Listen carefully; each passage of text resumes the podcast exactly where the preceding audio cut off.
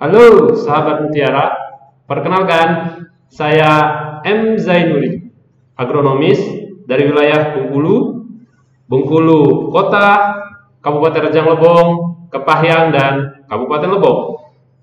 Sahabat Mutiara, perlu kita ketahui bahwa tanaman hias juga butuh perawatan seperti tanaman konvensional lainnya, mulai dari persiapan media tanam, kebutuhan nutrisi, hingga pengendalian hama penyakit. Pada podcast kali ini, kita akan membahas apa saja nutrisi yang dibutuhkan tanaman hias dan bagaimana menentukan pupuk yang tepat. Sekaligus kita juga akan bahas pupuk atau produk apa saja yang direkomendasikan dari PT Merauke untuk tanaman hias Anda. Yuk, langsung saja kita simak penjelasan berikut ini.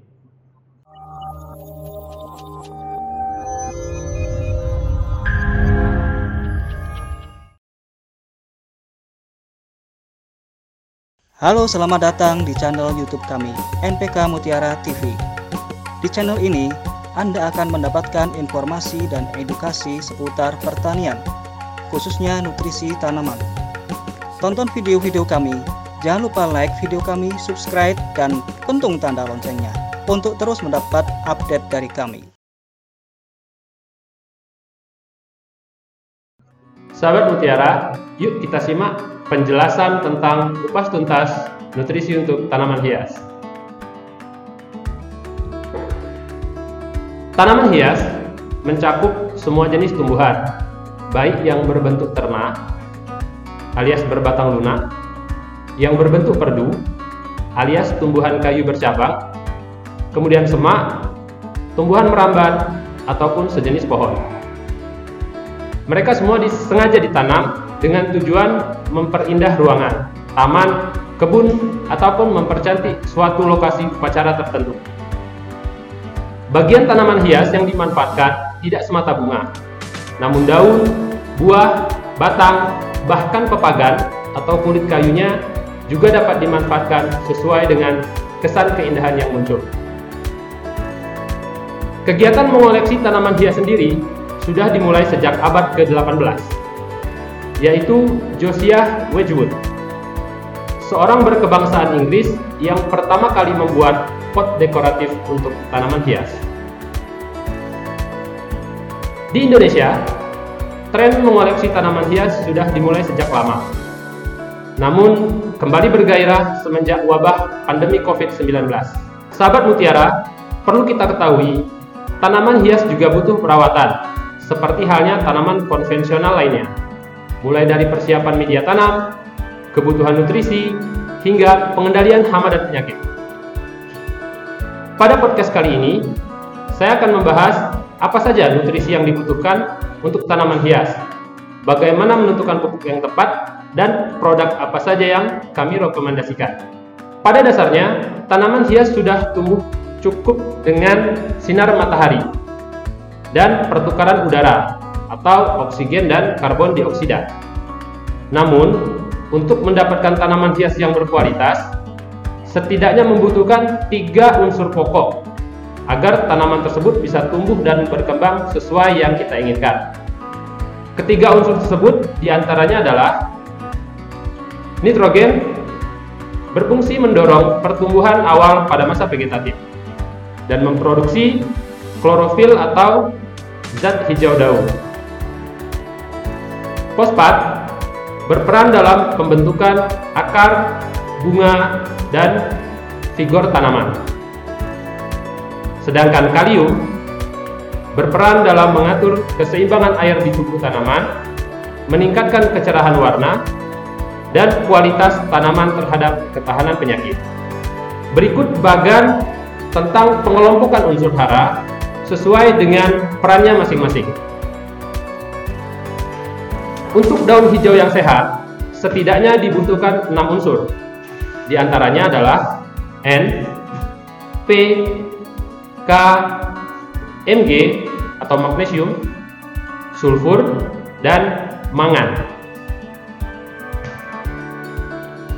Untuk perakaran yang sehat, setidaknya dibutuhkan tiga unsur utama, yang pertama yaitu P atau fosfat, Ca atau kalsium, dan boron. Untuk pembungaan yang baik, tanaman membutuhkan 5 unsur pokok. Yang pertama, N atau nitrogen, P atau fosfat, Ca atau kalsium, B atau boron, dan Zn atau zinc.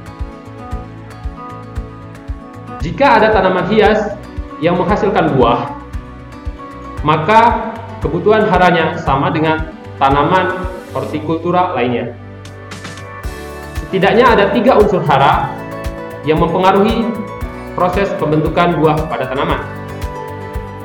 Yaitu yang pertama adalah K atau kalium, Ca atau kalsium, dan yang terakhir boron. Sebelum menentukan jenis pupuk atau nutrisi yang kita butuhkan, terlebih dahulu mari kita kelompokkan jenis tanaman hias yang akan kita rawat. Pertama, jenis tanaman hias daun. Jenis tanaman ini sedang booming dan viral karena keindahannya terletak pada bentuk warna daun dan keunikan corak yang terdapat pada setiap helai daunnya. Beberapa contoh tanaman hias daun di antaranya Yang pertama, alokasia Aglonema atau seri rejeki Caladium atau jenis keladi-keladian Monstera dan lain sebagainya. Jenis tanaman ini pada awalnya adalah kategori jungle plant atau tumbuhan hutan yang kemudian diadopsi dan diadaptasi menjadi tanaman hias rumahan baik outdoor maupun indoor. Kedua, jenis tanaman hias batang dan akar. Tanaman hias jenis ini biasanya merupakan tanaman hias berbatang keras dengan umur hidup yang lama. Namun diadopsi dan dikreasikan oleh tangan-tangan yang terampil sehingga menciptakan sebuah keindahan yang bernilai jual tinggi. Di antaranya seperti kaktus, bonsai hias, dan beberapa tanaman yang lain yang bisa menjadi nilai estetika sebuah taman ataupun ruangan tertentu. Beberapa tanaman yang bisa dijadikan bahan pembuatan bonsai hias di antaranya seperti beringin, cemara, bougainville, adenium, pupus merah atau pucuk merah, dan juga tanaman yang berada jauh di negeri seberang seperti pohon sakura. 3. Jenis tanaman hias bunga. Aspek yang digemari pada tanaman hias jenis ini adalah bentuk dan warna yang sangat menawan. Tanaman hias jenis ini umumnya paling digemari oleh ibu-ibu dan juga kalangan pecinta tanaman hias yang bernilai tinggi. Di antara jenis tersebut, sebut saja anggrek atau keluarga Orchidaceae. Kemudian mawar, krisan, dan bahkan juga kenikir. Kita masuk ke tahap menentukan kebutuhan hara tanaman hias. Tanaman hias daun seperti Alocasia, Aglonema, dan juga kaladium itu merupakan tanaman yang memiliki nilai keindahan pada daunnya. Maka unsur yang berperan penting setidaknya ada dua, yaitu nitrogen, kemudian magnesium, ditambah lagi ini opsional yaitu sulfur. Nitrogen sendiri pada tanaman jenis alokasia dia akan memunculkan warna hijau daun yang lebih cerah dan juga pertumbuhan tunas yang lebih cepat. Sedangkan Mg berperan dalam mendukung kinerja nitrogen. Karena pada dasarnya alokasia dan juga kaladium pada uh, metode perawatan indoor yang kurang sinar matahari, maka nitrogen kinerjanya akan cenderung menurun. Maka saat inilah magnesium dan sulfur membantu peran dari unsur tersebut. Tanaman hias batang dan akar. Unsur yang berperan penting yang paling dominan adalah fosfat.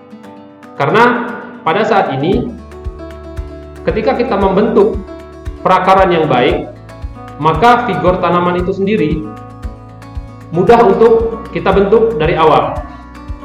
Karena teknik pembuatan bonsai sesungguhnya adalah mengkerdilkan tanaman hingga menyerupai bentuk-bentuk tertentu. Jika kandungan fosfat kurang, maka pertumbuhan akar akan terganggu dan bahkan cenderung lambat. Sehingga kreasi yang kita harapkan itu membutuhkan waktu yang cukup lama dan bahkan cenderung gagal karena figur tanaman yang kurang sehat dan tidak bisa menopang tanaman dengan baik. Tanaman hias bunga Unsur yang berperan penting setidaknya ada dua. Yang pertama, kalium. Yang kedua, fosfat. Fosfat pada kelompok tanaman ini berfungsi saat pembentukan awal bunga. Selanjutnya, semuanya diserahkan kepada unsur hara kalium yang akan menentukan panjang malai, jumlah kuntum, jumlah kelopak, tebal tipisnya, hingga kontrasitas warna. Setelah kita tahu kelompok apa saja yang sedang kita budidayakan dan kebutuhan unsur hara apa saja yang sudah kita penuhi, maka tahap selanjutnya adalah kita akan menentukan jenis pupuk yang dibutuhkan berdasarkan cara aplikasi. Pada pemaparan kali ini, kita membagi tiga cara aplikasi sesuai dengan kebutuhan tanaman masing-masing. Yang pertama yaitu slow release fertilizer. Slow release fertilizer ialah pupuk yang cara kerjanya diserap oleh tanaman secara perlahan dan berkala. Pupuk jenis ini tersedia sampai waktu yang cukup lama di media tanam. Bisa 1 sampai 2 bulan tersedia di tanah. Pupuk jenis ini biasanya digunakan untuk pemupukan dasar dengan cara ditabur.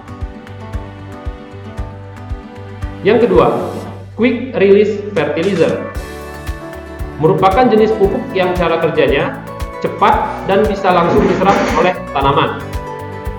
Pupuk jenis ini umumnya larut air atau water soluble, sehingga mudah diaplikasikan dengan cara spray atau penyemprotan maupun penyiraman.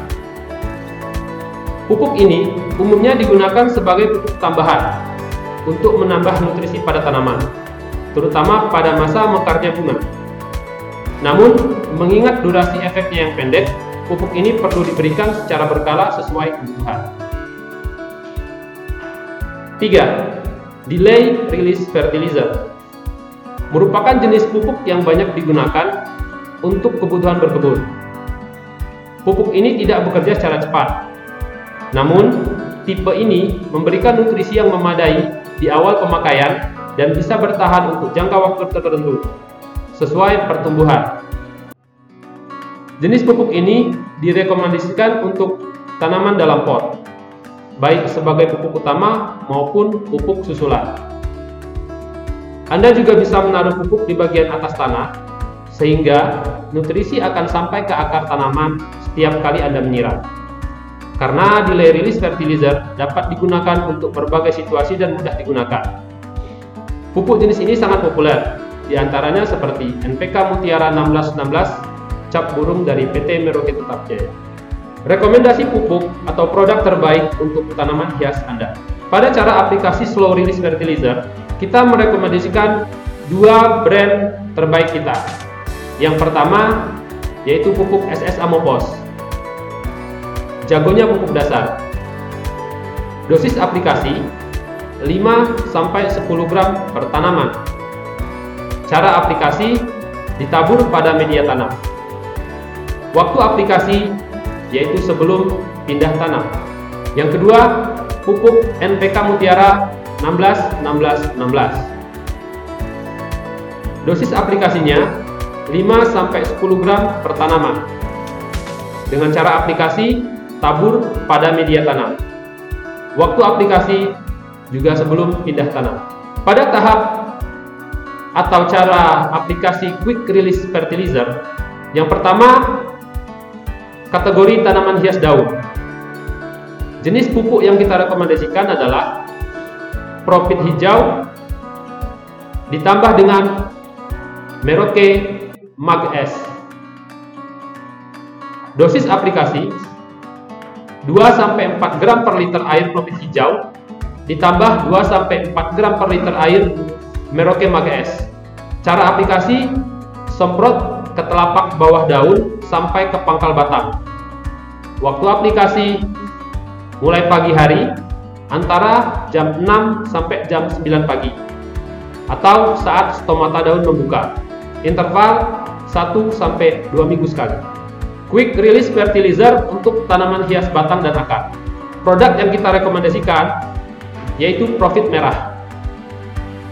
Cara aplikasi 2 sampai 4 gram per liter air profit merah disemprotkan ke daun sampai sekitar pangkal batang pada pagi hari antara jam 6 sampai jam 9. Kemudian quick release fertilizer untuk tanaman hias bunga. Produk yang kita rekomendasikan adalah Profit Maxi. Dosis aplikasi 2-4 gram per liter air profit maxi semprot ke daun sampai ke pangkal batang pada pagi hari antara jam 6 sampai jam 9 pagi interval satu minggu sekali. Kemudian aplikasi delay release fertilizer. Ada dua produk yang kita unggulkan pada sistem ini, baik pada tanaman konvensional maupun pada tanaman hias. Yang pertama adalah pupuk NPK Mutiara 16 16 16. Dosis aplikasinya 5 sampai 10 gram per tanaman. Ditabur pada media tanam atau di permukaan sebelum pindah tanam. Kemudian pupuk NPK Mutiara Sprinter 20 10 10. Dosis aplikasi 5 sampai 10 gram per tanaman ditabur pada media tanam sebelum pindah tanam.